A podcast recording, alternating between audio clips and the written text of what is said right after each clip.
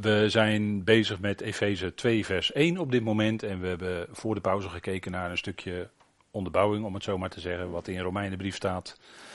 En wat eigenlijk onder deze uitspraak ligt van uh, Paulus hier in Efeze 2. Jullie die doden zijn voor jullie krenkingen en zonden. En dat zijn uh, wel verschillende begrippen. Bij een zonde gaat het om het missen van je doel. En bij een overtreding, een overtreding, daar treed je over een bepaalde lijn heen of een bepaalde grens die gelegd is. Dat is, een, dat is weer een ander begrip. Dat wordt hier niet genoemd, maar dat daarvoor zou je kunnen zeggen dat is, je stapt er overheen. Hè? Dat is uh, het woord overtreden eigenlijk. En dan heb je het woord krenking. En dat is wat uh, meer te maken heeft met uh, de innerlijke gevoelens, om het zo maar te zeggen. En al die drie aspecten komen eigenlijk in wat Adam en Eva deden naar voren. Wat Adam en Eva deden was niet alleen een zonde. Zij misten daarin niet alleen hun doel, maar het was ook een overtreding. Want God had gezegd, je zal van die boom van kennis van goed en kwaad niet eten. En ze deden het toch. Dus het was een overtreding van wat God gezegd had. En het was ook een krenking, want daarmee uiten ze een stukje minder vertrouwen of niet vertrouwen van God dat die het voor hen het beste had, met hen voor had, door te zeggen: niet eten van die boom van kennis van goed en kwaad. Dat deden ze toch en daarmee uit een stukje wantrouwen. En daarmee zou je kunnen zeggen: verwonden zij de innerlijke gevoelens van God. Dus minder vertrouwen, minder. Dat is een krenking. En dat, heeft, woord, dat woord heeft in de grond te maken met vallen. Het woord overtreden heeft te maken met stappen, of er over langs stappen, er langs stappen of ernaast stappen. En het woord krenking heeft te maken met uh, er langs vallen. He, wordt het woord, dat is, uh, dat is een voorzetsel, verbonden met het woord pipto in het Grieks. En dat betekent vallen, maar dan effect. He. Dus langsbij, val, effect is het eigenlijk, hè? krenking. En dat heeft te maken met, als je het opzoekt in de tekstverbanden heeft dat te maken met het meer verwonden van de gevoelens dus. Hè, van, uh, heeft te maken met vertrouwen en dergelijke. Dus vandaar dat krenking uh, het, het, goed woord is, goed uh, trefwoord is voor dat woord wat er staat. En die drie begrippen, die ik nu net noemde, die worden dus alle drie in Romeinen 5 genoemd.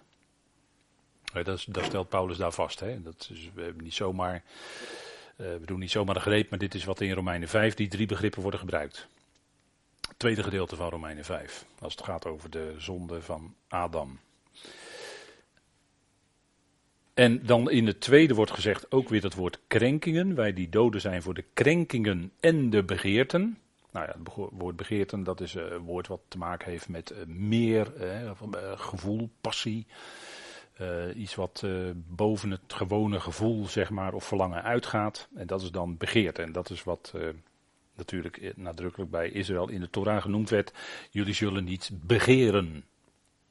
Jullie zullen niet begeren. En dat is, doe dat, leg dat maar op de mens. En wat gaat de mens dan doen? Dat zegt Paulus in Romeinen 7. De mens gaat dan begeren. Die ontdekt dat de begeerte in de leden aanwezig is. In het leden van het lichaam aanwezig is. En dat die begeerte dan ook leidt tot daadwerkelijk zonde. Tenzij daar de geest van God een weerhoudende werking in heeft. Dus dat even over die begrippen hè, die hier genoemd worden. En doden zijn, doden zijn, doden zijn. Hier wordt het woord necroon gebruikt en dat betekent inderdaad daadwerkelijk dood zijn. Hè. Dus dat is echt een, uh, nou ja, even heel plastisch gezegd, hier gaat het echt om mensen die echt, echt dood zijn. En een ander woord is uh, dood. Dat is eigenlijk strikt genomen zou je dat misschien kunnen zeggen, is doodgaan. Dat is het woord thanatos. En dan heb je ook nog een ander woord. En dat betekent, dat is eigenlijk ons woord voor sterven. Dat is het proces. Dus in het Grieks heb je daar ook verschillende begrippen voor. Hè? Sterven, doodgaan en daadwerkelijk dood zijn. Maar hier gaat het dus om dood zijn. En dat is ook wat we gezien hebben voor de pauze, het resultaat van het werk van Christus, om het zo maar te zeggen. Die is wel helemaal letterlijk door de dood heen gegaan. En leeft nu aan de rechterhand van de Vader. En dat wordt ons ook toegerekend. Hè? Zo rekent God. En wij zouden ook zo rekenen zoals God rekent. Rekent jullie zelf dood te zijn voor de zonde, zegt Paulus dan. Dat is de Romeinen 6 vervolg. En levend voor God in Christus Jezus onze Heer. Zo rekenen. Nou, dat is onze situatie. Zo rekenen wij. En hier rekenen we ook mee. En dat is even wel, denk ik, goed om met elkaar vast te stellen. Wat ik voor de pauze even uh, probeerde aan te geven. Jullie die dood zijn. In veel vertalingen staat jullie die dood waren. Maar dat staat er niet. Dus staat, de werkwoordsvorm hier van het werkwoord zijn staat hier in de tegenwoordige tijd. Om het zo maar te zeggen. In de uh, ja, onvoltooide vorm. En, goed, prima. Jullie die dood zijn voor jullie krenkingen en de zonden. Hè. De krenkingen, staat twee keer een puntje voor als u in uw papieren versie kijkt. staat twee keer een lidwoord voor, voor jullie de krenkingen en de zonden. Even nadrukkelijk hè. Dus de krenkingen, de zonden.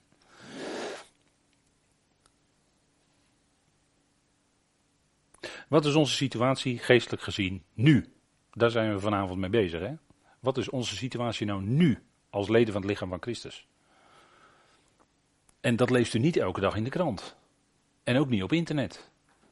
Tenzij uh, je goede sites uh, weet te vinden dan kun je het wel horen, maar lees je niet in de krant, hè? Lees je niet in de main, wat we altijd zeggen, op zijn uh, Engels de mainstream media, dus de gewone media. Daar lees je dit allemaal niet, hè? Daar lees je het allemaal niet. Daar heb ik een hele andere gedachte over, maar dat is denk ik wel bij u wel bekend. En dat is ook niet zo belangrijk verder. Wat is onze situatie geestelijk gezien nu? Dat is wel belangrijk, want dat is wat de evangelie ons aanzegt. Dat is wat wij zijn nu. Even een herhaling van voor de pauze. En u weet wat mijn schoonvader altijd zegt. Met Christus, punt 1, met Christus gekruisigd en voor de zonde gestorven. Met Christus begraven. En het lichaam van de zonde is vanuit God gezien niet langer voorhanden. Dat is, hè, dat is eigenlijk onze status. Hè. Dat is natuurlijk het grote verandering in Romeinen 6. Hè. We stellen de leden van ons lichaam niet langer ten dienste van de zonde en niet langer ten dienste van de ongerechtigheid. Maar we stellen de leden van ons lichaam. Dat zijn je, je ogen, je oren, je handen, je voeten, je mond. En, en noem alles maar op. Hè. Die stellen we nu ten dienste van God. Ten dienste van de gerechtigheid. Dat is het onderwijs van Romeinen 6. En dat is eigenlijk het ABC van het evangelie. En dan zijn we in de Efezebrief bezig met DEF, zou je kunnen zeggen. Hè? Dan gaan we een paar stapjes verder. Met Christus begraven, dus zand erover. Oude mensheid, weg. Het lichaam van de zonde is vanuit God gezien niet langer voorhanden. En het derde punt is, we zijn met Christus ook opgewekt, dat is figuurlijk. Wij wandelen in nieuwheid van leven en leven zo voor God in Christus Jezus. Dat is onze status nu. In Christus Jezus, wij leven voor God, in Hem.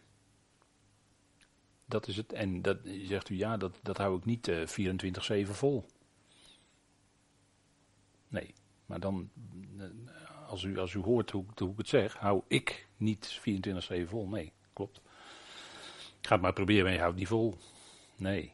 Door de geest Kracht is de geest van God, hè? altijd. Kracht is de geest van God die ons in staat stelt om daadwerkelijk wel zo te leven. En dat is in gebed beleiden en, en in de praktijk beleiden wat je bent. En natuurlijk komt van alles op je af. En dan zeg je bij gelegenheid, nou daar ben ik dood voor, daar wil ik niks mee te maken hebben, dat wil ik niet, daar ben ik dood voor, hoe je het ook zeggen wil. En dan ga je aan voorbij. Terwijl je vroeger, in je oude situatie, kon je niet anders dan daarop ingaan. En, en dat, dat, datgene doen wat niet tot Gods eer is. Dat was je oude situatie. Maar door de geest kun je nu zeggen, ja, ik ben dood voor de zonde en levend voor God. Ik wil voor hem leven, ik wil tot zijn eer leven. Als je dat van binnenuit wil, dan is, dat al, dan is het al een bewijs dat het door de geest gewerkt is. Want dat, wil je niet vanuit jezelf, van je oude ikkie, zo maar te zeggen. Hè?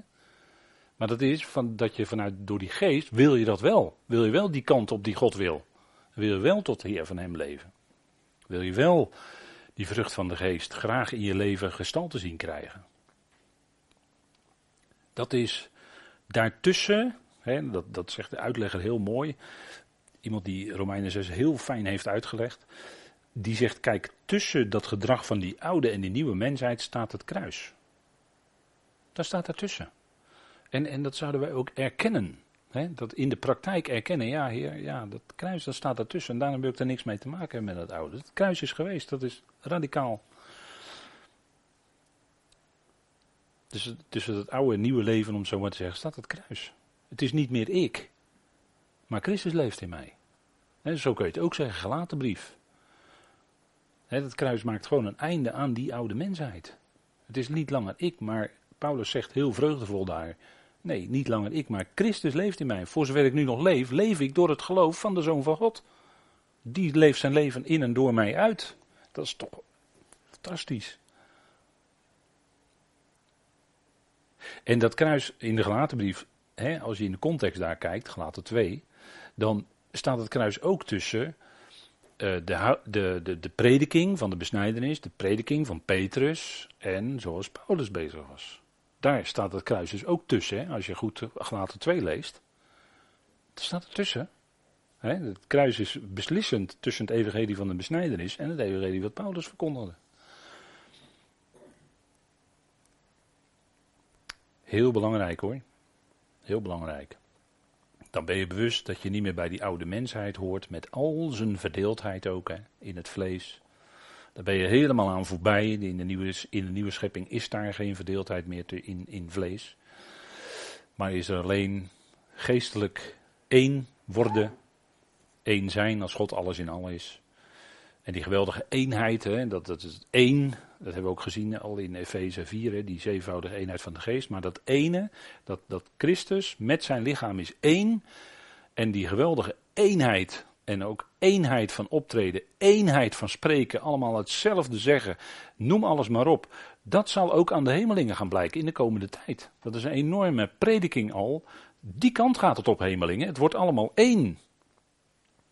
Dat is als God nog niet alles in alle is, hè, heb ik het nu over. Dan is er nog allemaal contrasten in die, in, aanwezig. Maar de gemeente samen met Christus, dat is al zo'n enorme eenheid. Dat zal ook op zich al een prediking zijn aan die hemelse machten en krachten. Daar gaat het naartoe. God wil dat alles echt één wordt. En dat is ook geestelijk, kan het alleen maar zo zijn. Want in het vlees is dat nu eenmaal niet zo. Is er altijd verdeeldheid. Dus altijd in het vlees. En dat moest er ook zijn. Dat is ook Gods plan natuurlijk. Het moest er ook zijn, opdat we daardoor zouden leren. En we zouden ontdekken dat, dat, dat het gaat om die eenheid. En dat verdeeldheid dus heel akelig is. En we gaan steeds meer ontdekken, ja, alles wat maar enigszins verdeeld is, of verdeeld raakt, of verdeeldheid maakt, dat is wat, wat, wat eigenlijk niet zo zou zijn. dat is wat, want we willen graag leven vanuit die eenheid met Christus. En dan kom je uiteindelijk, nou ja, Efeze 4, leest u het maar. Die zevenvoudige eenheid van de geest, die daar genoemd wordt, dat is voor onze praktijk. Dat is niet theorie, dat is daar praktijk. Dus ik denk dat het goed is om dat te beseffen. Hè? Eén lichaam. Dat, dat, is het, dat is het. Dat zegt Paulus daar voor onze praktijk. Er is één lichaam. Dus niet twee, één. En, en dat is zo ontzettend belangrijk dat we iedereen erkennen als lid van het lichaam van Christus die echt gelooft. Iedere gelovige hoort daarbij. Ongeacht gradatie van kennis of wat ook. Maar iedereen hoort daarbij.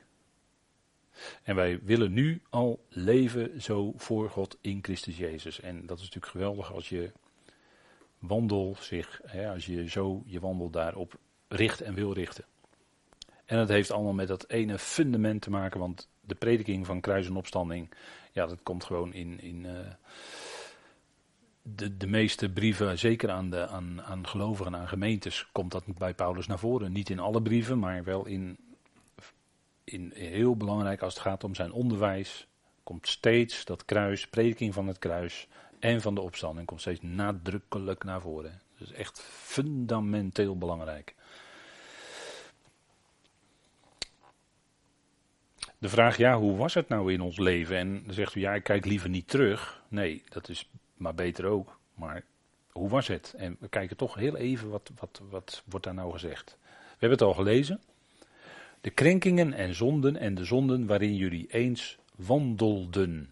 dus het gaat daadwerkelijk om onze wandel. Dat is een natuurlijk figuurlijk gebruikt woord. Letterlijk is dat rondom treden. of rondom stappen, treden misschien. Maar wandelen, dat is je gedrag, je levenswandel, zeggen we dan. En dat komt in Efeze acht keer voor.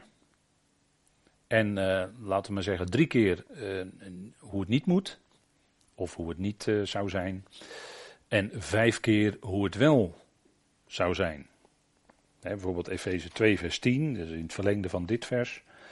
En dat is dan die geweldige verandering die dan in dit hoofdstukje ook, in dit stukje ook beschreven wordt. En er staat Efeze 2, vers 10, want zijn maaksel zijn wij, die geschapen worden in Christus Jezus voor goede werken, die God tevoren gereed maakt, opdat wij daarin zullen wandelen. Heb je dat ook weer, hè?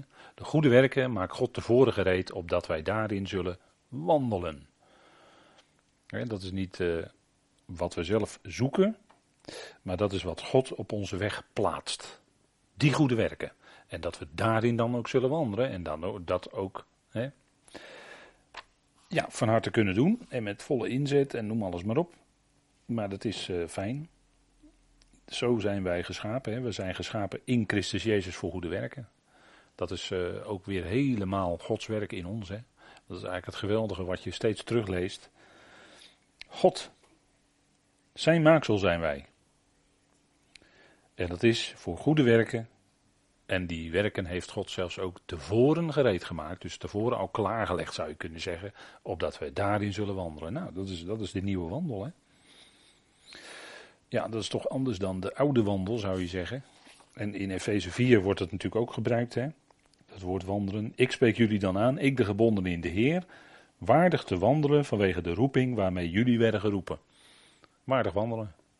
Dat is het effect van het evangelie en bijzonder het effect. Hè, als we spreken over DEF in de Efezebrief, bijzonder het effect in de Efezebrief. Daar is een hoge roeping en dan roept God ook hoog op, om het zo maar te zeggen.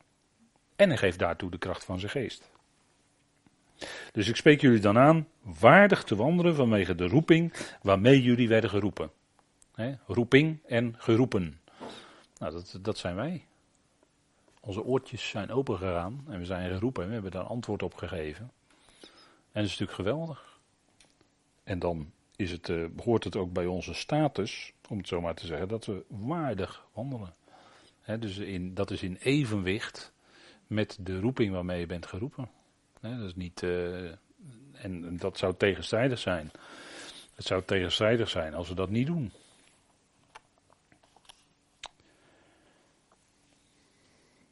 En dat, is natuurlijk in groot contrast met uh, Efeze 4, vers 17, waar ook gesproken wordt over die wandel. En dat is dan hoe het was, hè. Maar Paulus moet daar de gelovigen, de gelovigen toch op aanspreken. Uh, van besef je wat je bent, hè. Dit dan zeggen getuig ik in de Heer dat jullie niet meer wandelen zoals ook de natie in de ijdelheid van hun denkzin wandelen. Dus twee keer het woord wandelen in één vers. Niet meer in de ijdelheid. Ijdel is leeg, hè. Leeg natie wandelen en het is leeg. Het lijkt soms heel wat aan de buitenkant, maar het is leeg. Het is een uh, lege huls, het is een uh, ballon die waar je in kan prikken en is er niks meer over. Pats, weg. Het is leeg, ijdel. Gaat zo ook voorbij.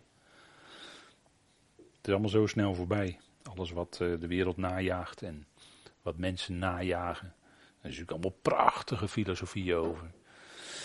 Maar die hebben geen boodschap meer dan ons. Hè? Wij eh, openen onze oren naar andere dingen dan de filosofie. Ze zijn in hun inzicht verduisterd en van het leven van God vervreemd. Door de onwetendheid die in hen is, door de vereelting van hun hart. Dat is een akelige situatie hoor. mensen zijn vaak verhard, hè? vereelting, dat is verharding. Mensen zijn vaak verhard omdat ze onwetend zijn. Hun, hun, binnenste is niet uh, in de goede zin zachtmoedig geworden door het evangelie. Maar ze zijn hard En uh, vaak ook meedogenloos. En als daar verkeerde machten in werken, dan is het helemaal verschrikkelijk. Wat, waartoe mensen in staat zijn. Hè? En dus ze zijn afgestompt, zegt Paulus dan is hier een scherpe vaststelling van hoe het ook in zijn dagen was. Maar vandaag de dag is het natuurlijk helemaal niet, niet anders. Hè? Het is gewoon nog precies hetzelfde.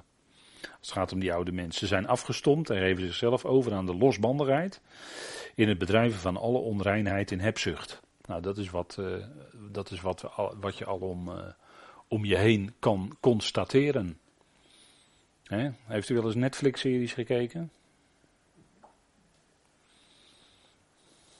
Nou, of uh, toen Netflix er nog niet was, tv, gewoon tv, wat er allemaal op tv te zien was, films en zo, hebben we wel eens gezien.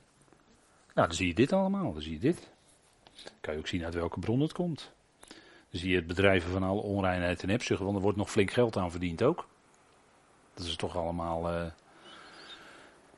oude situatie, akelig hè. En, en dat is waar de mens dan zichzelf in dompelt, in een duisternis, in een...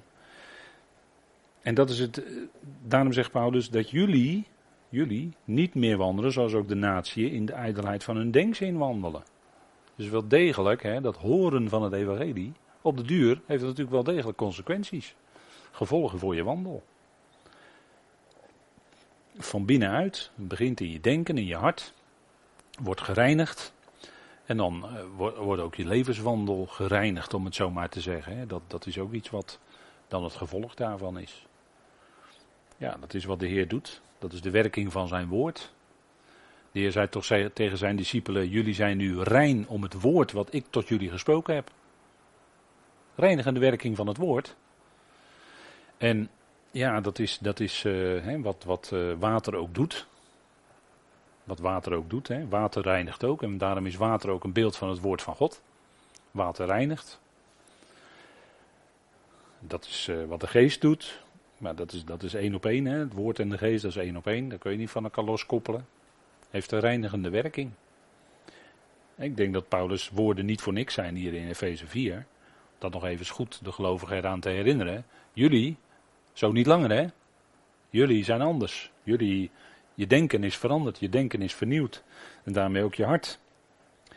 Zegt hij in vers 20 hè. Jullie echter leren de Christus zo niet. Jullie hebben van de Christus gehoord en jullie weten wat het betekent. Omwenteling in je leven is alles anders. Aangezien jullie hem horen, dus niet meer naar de wereld horen, niet naar filosofieën horen, maar naar hem horen en in hem onderwezen werden, zoals in Jezus de waarheid is. Want ja, daarbuiten, om ons heen, is weinig waarheid hoor. Weinig waarheid, is veel leugen. Tegenwoordig erg veel. Maar in, in hem in de Heer Jezus, daar is de waarheid. Bij Hem ben je ook bij de waarheid. En dat is ook waar. Hij is waar. Hij is de waarheid. Hij is de weg. Hij is het leven. Alles wat hij van zichzelf kon zeggen. Afleggen dat oude gedrag. Verdorven in overeenstemming met de begeerte van de verleiding. Opdat jullie verjongd worden in de geest van jullie denkzin dus het heeft alles met de geest van je denkzin, je geest van je denken te maken, heeft alles met je hart te maken, dat van binnenuit het anders is geworden. Afleggen, dat is wat we met die oude mensheid doen, hè? die moet je afleggen. Dat is een heel sterk woord wat Paulus dan gebruikt. Of afstropen, gebruikt hij in Colossense 3. Als het gaat om de oude mensheid. Afstropen. En er zit ook een directe verwijzing in, in Colossense naar het kruis. Van het afstropen. Ja, jullie oude mens is afgestroopt, of jullie lichaam des vlees is afgestroopt, zegt Paulus in Colossense, in de besnijdenis van Christus. Dus wordt direct verwezen naar zijn kruisiging. Met het woord afstropen in Colossense. Dan gaat het ook om die, dat andere gedrag, hè? Colossense 3 vers 9. Nou, even als parallel erbij lezen.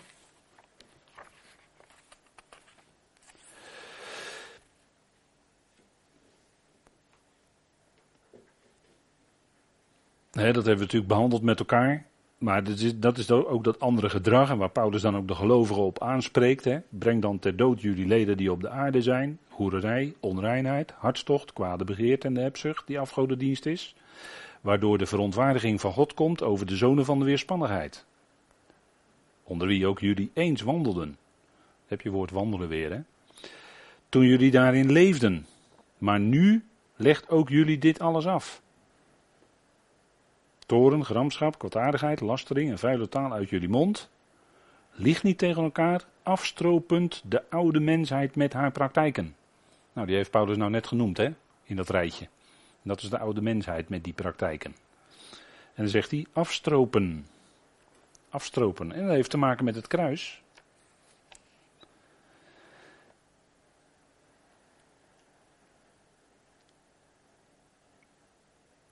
Colossense 2 vers 11. Jullie werden besneden met een besnijdenis die niet met handen verricht.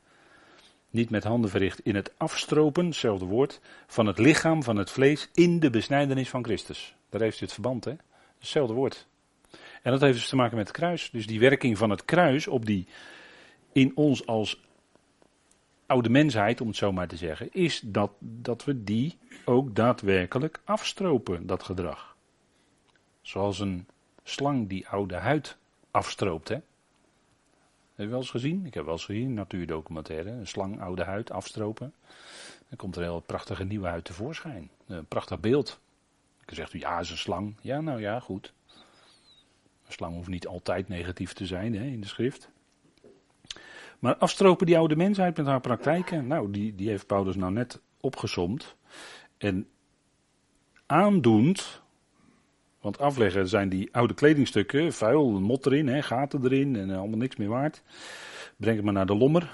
Weet je nog wat een lommer is trouwens? Lommert? Lommert? En aandoen, dus die oude leggen we af, weg. En aandoend de jonge, die vernieuwd is tot erkenning in overeenstemming met het beeld van hem die haar schept. Dus heb je ook het woord scheppen weer, hè? wat we net ook in Efeze 2 zagen. Geschapen worden in Christus Jezus. Dan schept God als het ware in en door ons heen een nieuw gedrag. Dat is echt een wonder. Dat is een wonder. Dat zijn nou de wonderen van deze tijd. Hè? Dat iemand die een vreselijk gedrag vertoonde, komt tot geloof. En die vertoont daarna een heel ander gedrag. Dat is een groot wonder in feite. Dat, dat, dat zien wij misschien niet altijd meer zo. Maar dat is wel zo.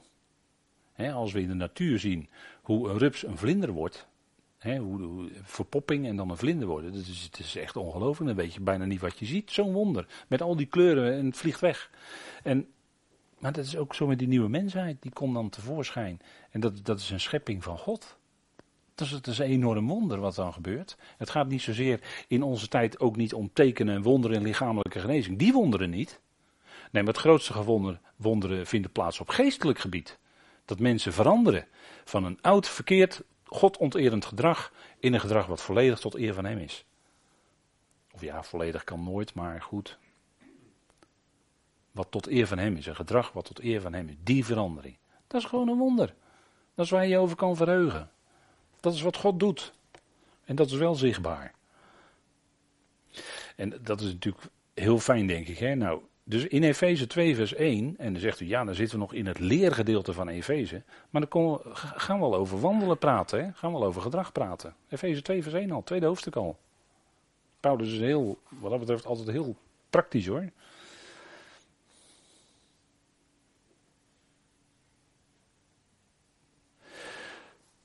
In overeenstemming met, dan gaan we even terug naar Efeze 2, vers 2.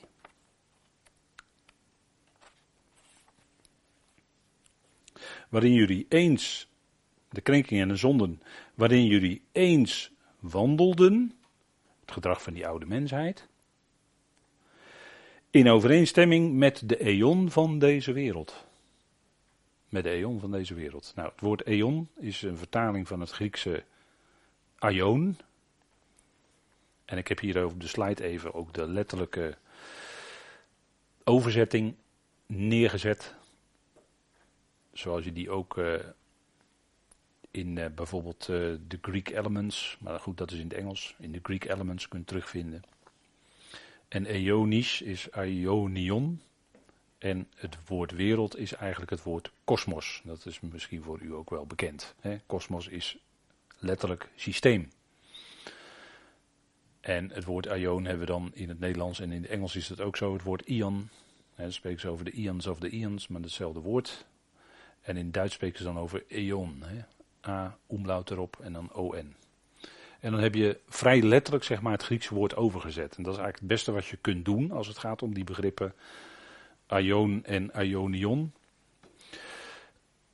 Ionion is dan eigenlijk bijvoeglijk gebruikt. Hè? En aion is het zelfstandig naamwoord.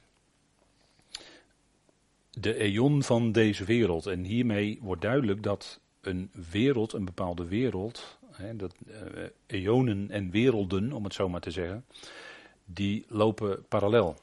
Wij leven in deze tegenwoordige boze eon, zegt Paulus. En dat is de derde. Ik heb er ook een pijltje voor gezet. De derde eon, die loopt ongeveer vanaf Genesis 7, de grote vloed, tot aan openbaring, of tot en met openbaring 19. Als daar het oude systeem verpersoonlijkt in Babylon ten onder gaat, vernietigd wordt. En dat is het einde, dat markeert het einde van deze tegenwoordige boze eon, zoals Paulus dat noemt in Galaten 1 vers 4. En we hebben vijf eonen, dus ook vijf werelden, om het zo maar te zeggen. Die lopen gelijk. Sommigen vertalen dan ook, uh, of geven dan aan om het iets gemakkelijker te maken voor het begrip Aion een wereldtijdperk, zeggen sommigen. Uh, maar uh, voorkeur heeft toch, wat mij betreft, om uh, het woord Aion over te zetten in het woord eon en eonisch. Hè. Dat zijn, eon is wel een woord wat gewoon in de vandalen voorkomt. En het woord wereld is eigenlijk systeem. Hè. Is eigenlijk een systematische ordening gedurende een bepaalde tijd. En uh, de oorspronkelijke kosmos, want de Bijbel spreekt ook over de nederwerping van de wereld. Hè, dat hebben we ook uh, in Efeze 4 lezen we dat. Voor de nederwerping van de wereld zijn we uitgekozen, of zoals hij ons uitkiest als feit, in hem voor de nederwerping van de wereld. Dus de, die toenmalige wereld, die eerste, die is nedergeworpen geworden. En dat verklaart ook de duisternis en de chaos en de leegte en de woestheid in uh, Genesis 1, vers 2. dat is het gevolg van de nederwerping van de wereld. En toen was er daarna een nieuwe wereld, om het zo maar te zeggen, met een nieuw, nieuwe ordening, een nieuw geordend systeem waar Adam opgezet werd om die te bewaren, om die hof te bewaren en te bewaken. Bewaren, bewaken, die woorden mag je allebei gebruiken. En waarna dus de derde jong komt, eh, de grote vloed komt in Noach, de zoon gods. Brochure, de zogenaamde engelenwereld. Prachtige brochure, de zogenaamde engelenwereld. Wordt het in behandeld, de zonen gods in Genesis 6, de Nephilim. En toen kwam daar de grote vloed, waarbij acht mensen gered werden, zegt Petrus. En daarna kwam weer de mensheid en het ging binnen de kortste keren weer uh, mis, want de mensheid streefde, zelf naar eenheid, weet je wel, Nimrod, hè, Babylon, Nimrod. En dat is het beginsel, dat is het beginsel van uh, de, de lijn die loopt tot en met het Babylon, wat, uh, wat nu, as we speak, herbouwd wordt in Irak. Hè, dat is, die stad Babylon zal straks de wereldhandelshoofdstad zijn van het rijk van de antichrist het Babylon in Irak. sommigen die zeggen, ja, die stad Neom in het uh, zuidwesten van Saoedi-Arabië, die wordt in korte tijd, het is een enorm project en er zitten veel oliedollars in, en noem alles maar op. Dat is de stad Neom en dat is niet de stad Babylon. Die heet niet Babylon. In Irak, onder Bagdad, die stad Babylon, daar gaat het om in de schrift. Dus ja, het zijn natuurlijk allemaal theorieën. Hè. Met Gog en Magog hebben we dat ook gezien. Hè, in, uh, ja, dat, allemaal theorieën, maar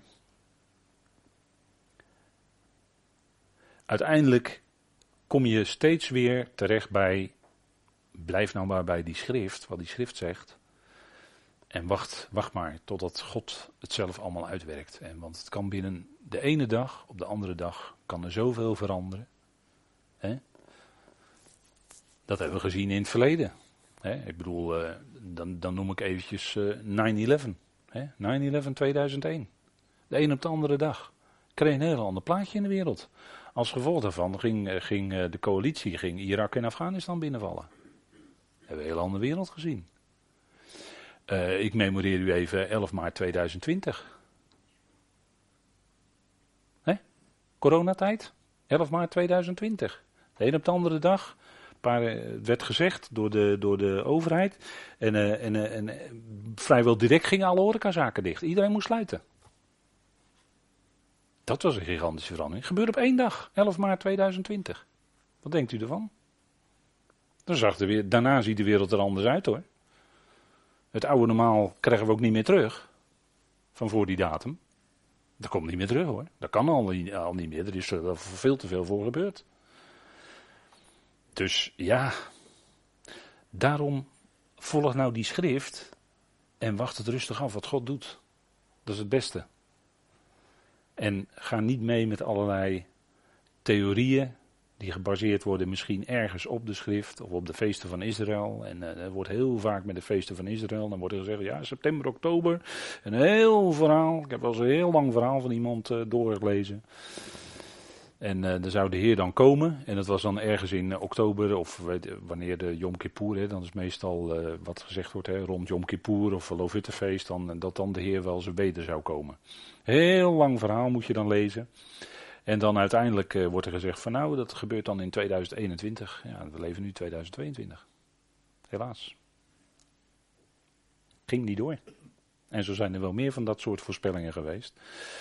Maar het punt is dat je, dan kom je weer natuurlijk met een stuk verwarring met die lijnen. Als je dus de feesten van Israël, als je daarmee gaat verbinden, de bazuin 1 Thessalonicense 4, kan je niet doen. Die kan je daar niet mee verbinden. Kan niet. Het zijn twee andere lijnen, het zijn twee andere grootheden. Die feesten van de, de, de gezette hoogtijden zijn aan Israël gegeven. En die zijn goed. Die tweede groep feesten is profetisch naar de eindtijd. Ja, ja, zeker. Maar daar kun je niet mee verbinden 1 Thessalonicense 4. Want daar onthult Paulus iets heel nieuws met een woord van de Heer notabene. Dat kan je niet doen, dat zijn twee verschillende lijnen. En, zo, zo, en als je dat nou vasthoudt, dan blijf je uit de verwarring. Want anders kom je in de verwarring en dan haal je alles door elkaar. En dan kom je er niet meer uit. En mensen raken dan teleurgesteld, want die zetten dan misschien een verwachting op. Ja, in oktober 2020 zal de Heer wel terugkomen. En dan gebeurt het niet. En geloof zakt dan in. Dat komt omdat niet juist de lijnen worden gevolgd. Wacht nou maar af eerste wat gaat gebeuren voor de gemeente, het lichaam van Christus, is dat het bazuin van God klinkt. En wij hebben geen tekenen.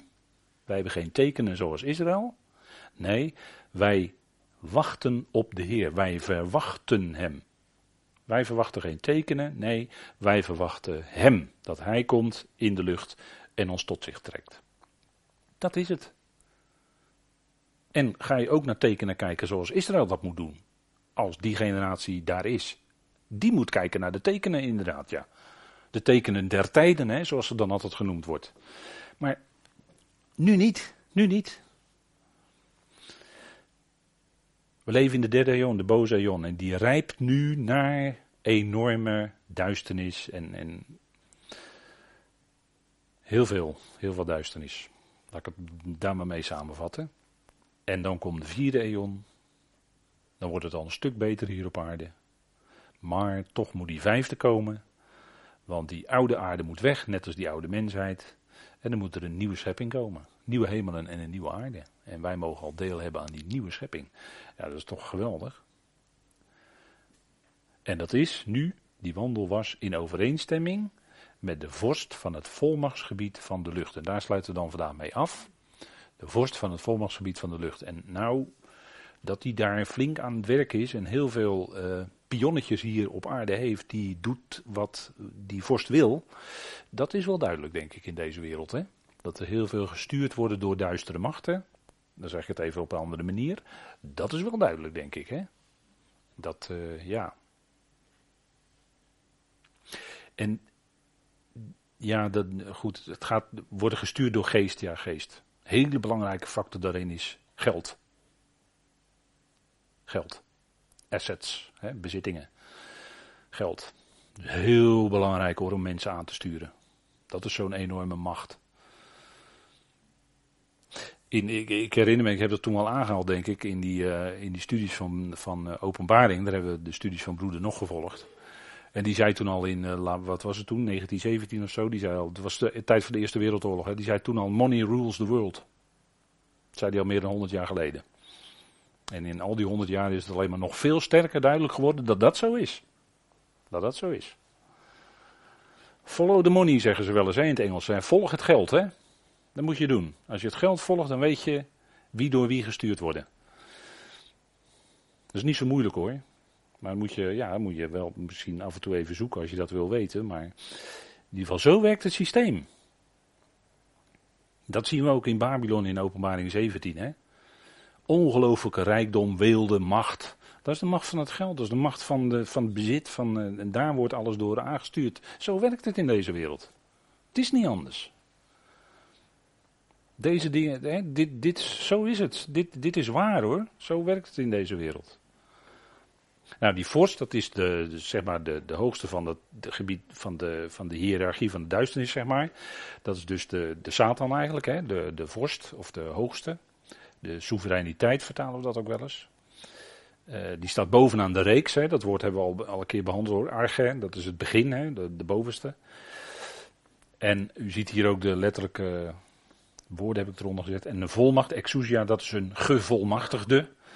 Dat kan een autoriteit zijn, maar die is wel gevolmachtigd door een hogere. Bijvoorbeeld Pilatus, hè, die moest verantwoording afleggen aan de keizer in Rome. Dat was een gevolmachtigde. En zo zijn er vandaag de dag is ook een hele hiërarchie, niet, niet alleen in geestelijk. Uh, hè, die, nee, dat zou ik maar niet zeggen. Maar niet alleen in geestelijk opzicht, maar ook in, die werken dan door in mensen. En dat is ook een, weer een hiërarchie. Maar dat zijn allemaal gevolmachtigden. Die hebben een bepaalde autoriteit, die hebben een bepaalde jurisdictie. En dat is, uh, werkt zo in de duisternis, het werkt in de politiek. En uh, nou ja, dat is een hele, daar hebben, daar, dat is uh, hoe, de, hoe de wereld nu geregeerd wordt. En dat moet ook nu zo zijn. Hè, dat moet allemaal rijpen tot de tijd dat de Heer had ingrijpen. En dan is het ook hoog tijd. En dat is het nu ook. We gaan eindigen.